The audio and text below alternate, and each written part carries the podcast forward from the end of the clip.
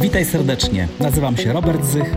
Pomagam menedżerom podejmować efektywne decyzje i więcej sprzedawać. Jestem trenerem biznesu, autorem książek Szef i angażuj zespół, lider sprzedaży, szef w roli coacha. Zapraszam Cię do mojego podcastu Angażujący Lider. Witajcie serdecznie po przerwie wakacyjnej, wakacji, wakacji zimowych, chociaż trudno mówić tutaj na Mazowszu o ostrej zimie, raczej jest to taka łagodna wiosenna zima, jeśli tak można ująć. Wracam z piątym odcinkiem. Witam Cię serdecznie. Piąty odcinek podcastu Angażujący Lider. Będę opowiadał dzisiaj i trochę podsumowywał historię Arlene Blam, o której mówiłem wcześniej, i przejdę również do takich najlepszych praktyk, dobrych praktyk stosowania decyzji dyrektywnej. Decyzji dyrektywnej, w jaki sposób tą decyzję odnieść. Możesz skorzystać z tego podcastu, sięgnąć do książki Angażujący Lider, ale też oczywiście podzielić się swoimi swoimi doświadczeniami z tego obszaru.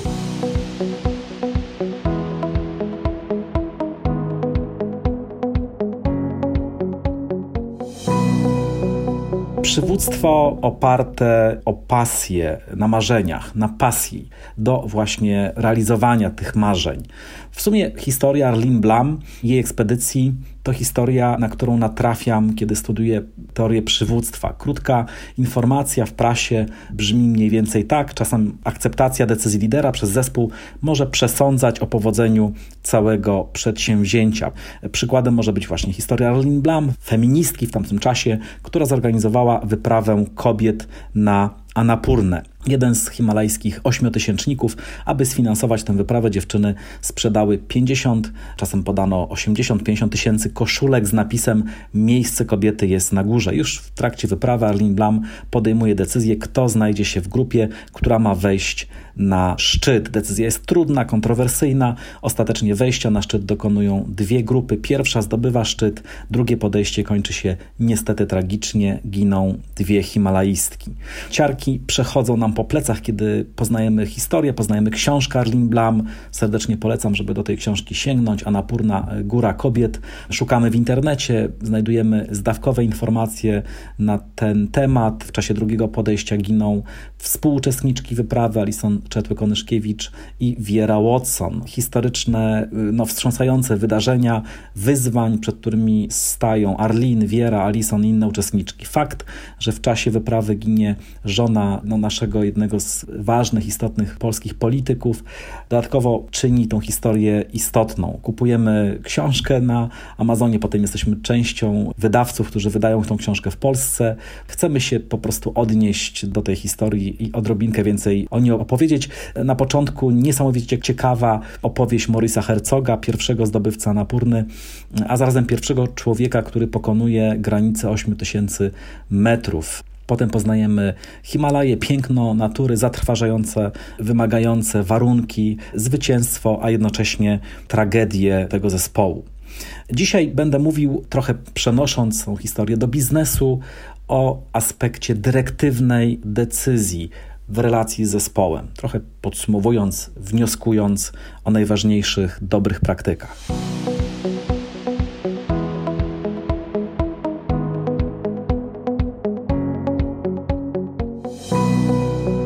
Kiedy jesteś szefem, czasem to jedynie ty możesz podjąć ważną trudną decyzję. Arlin zostaje wybrana przez zespół na liderkę wyprawy.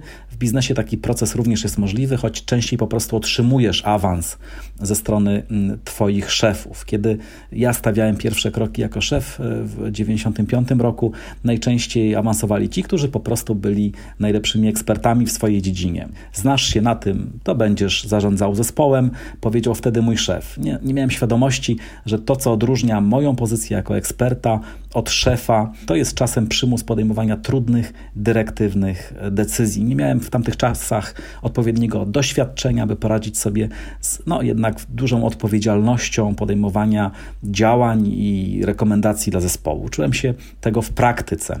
Pragnę przybliżyć Tobie model trudnej decyzji szefowskiej, bo jako szef po prostu czasem będziesz takie decyzje podejmować. Podobnie jak Arlene Blam w trakcie wyprawy na Napurnę, tak również ty będziesz zastanawiała się, zastanawiał się, jak podjąć i zakomunikować decyzję, tak aby zespół w jak największym stopniu zaangażował się w jej wdrożenie. Popatrz na swoją pracę szefa, tak jakby był to zawód jak każdy inny zawód, ma swoje zasady, swoje prawidła. Nieważne, czy jesteś stolarzem, prawnikiem, informatykiem, geologiem z wykształcenia, po prostu warto uczyć się nowych umiejętności menedżerskich, tak jakbyś zdobywał nowe szlify jako ekspert w swojej branży. Zachęcam Ciebie, abyś popatrzył, popatrzyła na model decyzji szefowskiej jak na taką kamizelkę ratunkową, którą zakładasz jedynie wtedy, gdy zjadają cię nerwy i nie wiesz, jak poprowadzić daną sytuację. Dodatkowo zawsze oceń, czy zespół potrzebuje od ciebie dyrektywności.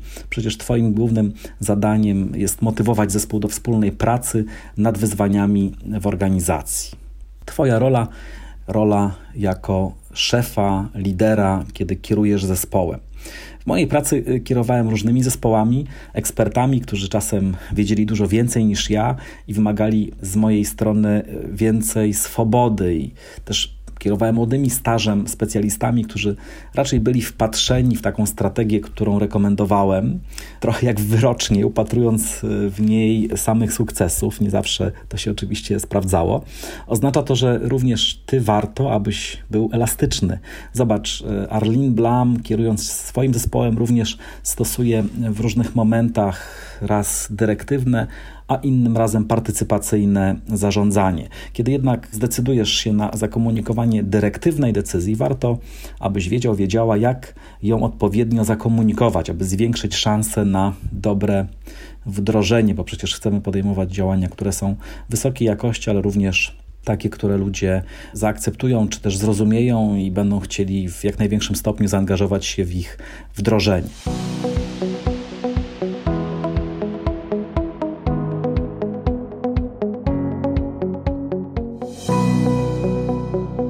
Pierwsze, musisz tą decyzję, musisz, trudno powiedzieć musisz, ale warto no właśnie rozważyć i nie podejmować, można powiedzieć, szybko decyzji. Może powiem o trzech, moim zdaniem, takich najważniejszych pułapkach, w które warto nie wpadać, kiedy komunikujesz dyrektywną decyzję. To pierwsza pułapka, musisz szybko podjąć tę decyzję. Moim zdaniem nie wpadaj w pułapkę presji czasu, że jako szef musisz tu i teraz zdecydować. Oczywiście nie pochwalam odkładania ważnych decyzji. Czasem niektórzy szefowie mówią, że jakakolwiek jakakolwiek decyzja jest lepsza niż jej brak, czyli odkładania w nieskończoność. Natomiast warto ważną decyzję przemyśleć, a już na pewno nie komunikować jej w emocjach. Szczególnie jeśli masz bliską relację z zespołem, z pracownikiem, bo znacie się od wielu lat. Zdarza się, że nieświadomie zespół może zastawiać na ciebie jako szefa pewną pułapkę, skracając dystans, dążąc do bardzo bliskich relacji, które też oczywiście dla nas szefów są ważne, ale kiedy jednak trudno ci oddzielić sprawy firmowe od spraw osobistych, to jest taki sygnał, że może warto wrócić do pewnego dystansu, takiego dystansu szefowskiego, aby podejmować decyzje bez nadmiernych emocji i po prostu z bardziej chłodną głową. Czyli pierwsza rekomendacja, nie podejmuj decyzji pochopnie. Druga rekomendacja, czy też pułapka i z nią związana rekomendacja, ponosisz całą odpowiedzialność za obecną sytuację. No, szczególnie to szefowie, którzy mają tą skłonność do nadodpowiedzialności, mogą w tą pułapkę wpadać. Pamiętaj, że my, mm, szefowie, mamy skłonność do brania nadmiernej odpowiedzialności na swoje barki. Jest to również przyczyna naszych awansów, no bo szefowie inni w organizacji widzą, że można na nas polegać i awansują właśnie takich specjalistów na szefów. Zatem, kiedy zbliża się ten moment trudnej decyzji, możesz, e, szefie, mieć skłonność do obarczania siebie całą, w cudzysłowie, winą za zaistniałą sytuację. No cóż, jestem zwolennikiem tezy, że odpowiedzialność za decyzję rozkłada się w pewnym sensie po połowie między tobą a zespołem. Oczywiście to ty decydujesz i ty podejmujesz tą decyzję, natomiast twój zespół ma również udział w jej e, wypracowaniu i e, wdrożeniu. Trzecia pułapka decyzja już zapadła. Ważne, kiedy przygotowujesz się do rozmowy z zespołem, aby odpowiedzieć sobie na pytanie, jaką decyzję chcę zakomunikować i gdzie widzę szansę, aby otworzyć negocjacje z zespołem. Innymi słowy, co nie podlega negocjacji, a w którym obszarze zależy mi, aby dogadać się z zespołem. Jeśli tego nie uporządkujesz, to istnieje takie ryzyko, że wpadniesz w pułapkę negocjowania wcześniej już ustalonej decyzji, czy czym wprowadzisz zamieszanie w zespole, co jest nienegocjowalne, a co może zespół z tobą jeszcze ustalić. Zatem warto przegadać ze sobą, y, po prostu przygotować się, w jakim obszarze decyzja już zapadła, a w jakim otwierasz szansę na dyskusję.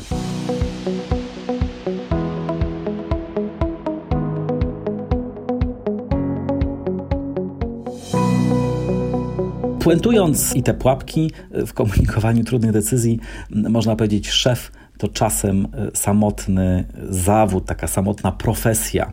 Kiedyś mój wspólnik Wojtek Haman tak mówił o profesji szefa.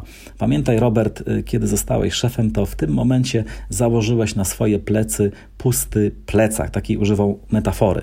Twój zespół będzie próbował do tego plecaka wrzucać różne sprawy, problemy. Oczywiście taki zespół, który liczy na to, że ty te wszystkie problemy rozwiążesz. Twoim menedżerskim zadaniem jest dać się obciążyć jak najbardziej, wziąć na siebie pewne, na swoje barki e, pewne zadania, ale tylko w takim stopniu, abyś mógł ludziom pomagać, a nie ich wyręczać. Kiedy myślę sobie o tej metaforze, wspominam również Arlene Blam, e, która potrafiła w wielu momentach dobrze angażować zespół, jednak przy decyzji przejścia przez holenderskie żebro wzięła na siebie zbyt dużą odpowiedzialność, decydując e, o składach zespołów atakujących górę. Wyręczenie w ten sposób zespołu spowodowało, że nie wziął on w tym pierwszym momencie odpowiedzialności za tę decyzję. Ludzie się poczuli pominięci. Jednak elastyczność Arlene skłoniła ją do otworzenia negocjacji z zespołem co do składu atakującego szczyt. Okazało się, że możliwe było wypracowanie rozwiązania wysokiej jakości i o dobrym wdrożeniu. Jestem przekonany, że w takich właśnie sytuacjach Arlene musiała czuć się bardzo samotnie. Jednak pomimo samotności jako liderka po pierwsze nie unikała podjęcia trudnych decyzji, po drugie była wymagająca wobec siebie i innych i po trzecie doceniała osiągnięcia zespołu, potrafiła mówić również zespołowi dobre, przyjazne komunikaty. Podsumowując, jeśli decydujesz się być szefem, bo to oczywiście decyzja taka życiowa, czasem menedżerska, to warto pogodzić się z faktem, że będziesz samotna, samotny w obliczu trudnych decyzji.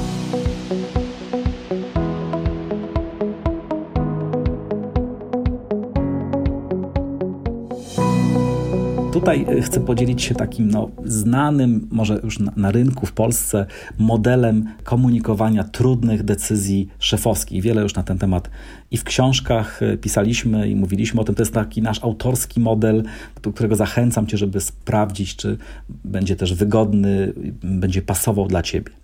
Istotą modelu decyzji szefowskiej jest zaangażowanie zespołu do współpracy, czyli tak naprawdę komunikujemy tą decyzję po to, żeby ludzi wciągnąć. Zatem zależy nam, aby zespół rozumiał nasze intencje, aby był też skłonny dzięki temu do współpracy w obszarze interesów, a nie sztywnych stanowisk. Czasem jest to trudne, czasem no wręcz niemożliwe, szczególnie wtedy, kiedy pomiędzy szefem a zespołem pojawiają się emocje. Ideą prezentowanego tutaj w tym dzisiejszym odcinku podcastu modelu jest e, odchodzenie od stanowisk e, w kierunku właśnie negocjacji w obszarze interesów. Oznacza to, że warto, aby abyś jako szef, szefowa zainteresował zespół wspólnym poszukiwaniem rozwiązań, oczywiście w tych obszarach, na które mamy wpływ.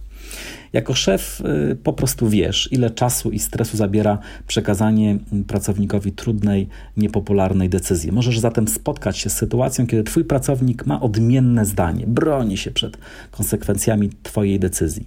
Na pewno w takiej sytuacji nie warto wdawać się w niepotrzebną wymianę argumentów. Bardzo rzadko, moim zdaniem, którakolwiek strona przekona kogoś do swojej racji. To się praktycznie nie zdarza. Każdy ma wtedy swoją rzeczywistość, widzi tą sprawę po swojej stronie, od swojej strony, czyli nie widzi perspektywy drugiej. Trudno mu jest zobaczyć perspektywę drugiej strony. Wiesz dobrze, jak dużo czasu zabiera i wiele nerwów kosztuje rozmowa z podopiecznym, członkiem zespołu, któremu przekazujesz niewygodną dla niego decyzję. Pracownik może się bronić, dyskutować, sugerować tobie jako szefowi, że jest niesprawiedliwy. Jeśli dasz się wciągnąć w takie, no, moim zdaniem, nieefektywne przekonywanie i walkę na argumenty, to mogą się pojawić złość i ty jako szef tracisz z pola widzenia swoje najważniejsze interesy i dużo trudniej też tobie będzie rozpoznać interesy twojego podwładnego członka zespołu. Aby się przed tym uchronić, warto mieć w zanadrzu taki sprawdzony sposób działania i model właśnie przekazywania decyzji. Proponuję model, którego nauczyłem się właśnie u moich wspólników Jerzego Guta i Wojciecha Hamana w 1997 roku, który w obliczu trudnych decyzji stosuje do dziś. Ten algorytm trudnych decyzji wygląda następująco. Jest zbudowany z takich sześciu kroków. Intencja szefa, krok pierwszy. Krok drugi, przekazanie decyzji. Krok trzeci, podtrzymanie tej decyzji i pozbawienie złudzeń poprzez narzędzie, jakim jest e, parafraza i powtórzenie tej decyzji, czyli zdarta płyta. Krok czwarty, najistotniejszy moim zdaniem, to jest propozycja współpracy nad sposobem wykonania tej decyzji, odsłonięcie własnych interesów i rozpoznanie głównych obaw pracownika. I szósty, również bardzo, bardzo ważny, pomoc w szukaniu rozwiązań, które zmniejszą koszty wykonania tej decyzji. Oczywiście, jako mądry, doświadczony szef. Możesz dokonywać zmian w tym algorytmie, aby był on zgodny z Twoimi wartościami i przekonaniami, jednak warto pamiętać, że jeśli zabraknie Ci pomysłu, jak poprowadzić rozmowę, której celem jest przekazanie trudnej decyzji, to możesz sięgnąć właśnie do tego modelu i są sprawdzony przez wielu, wielu szefów w ostatnich latach. Sposób użycia tego algorytmu możesz wykorzystać w swojej pracy. Najczęstszym błędem popełnianym w takiej sytuacji, właśnie przy trudnych decyzjach, jest dyskutowanie z pracownikiem o sensie podjętej decyzji. Nieuchronne jest przecież wtedy wzajemne oskarżanie się, urażanie, a przecież decyzja w sprawie której już zapadła i nie warta by była ona przedmiotem, przedmiotem negocjacji. Skoro jednak szef no, nie informuje o tej y, decyzji w formie takiej no, y, dość stanowczej, no to tym bardziej otwiera szansę w przypadku y, rozmowy z pracownikiem, kiedy on po prostu no, wierzy, że jednak negocjowanie tej, tej decyzji jest możliwe. Pamiętaj przecież też jako szef, że masz wiele własnych interesów, które chcesz ochronić w tak e, trudnej sytuacji. Na przykład zależy tobie na opinii ludzkiego szefa, takiego, który jest no, fajny, przyjazny. Nie chcesz popsuć atmosfery w zespole. Zależy ci na tym, żeby uniknąć jakichś negatywnych konsekwencji, które mogą wynikać z konfliktów, które się mogą pojawić w tej sytuacji. Podsumowując, ustaleniom może podlegać sposób wdrożenia decyzji, a nie sama decyzja decyzja, którą podjąłeś jako szef. Także serdecznie zapraszam Cię do, do wykorzystania tego modelu w e, Twojej pracy. Było mi niezmiernie miło z Tobą się spotkać podczas e, tego odcinka. Mówiłem tutaj i podsumowuję historię Arlene Blam, ale też mówiłem o modelu trudnej decyzji, czyli można powiedzieć, że tym tematem takim dzisiaj, e, tematem tego spotkania była właśnie trudna decyzja. Gdybyś miał pytania, to oczywiście napisz do mnie robert.zych. Będzie mi niezmiernie miło na Twoje pytania odpowiedzieć e, i być z Tobą w kontakcie. Serdecznie dziękuję, trzymaj się, dobrego dnia, pozdrawiam, Robert Zych.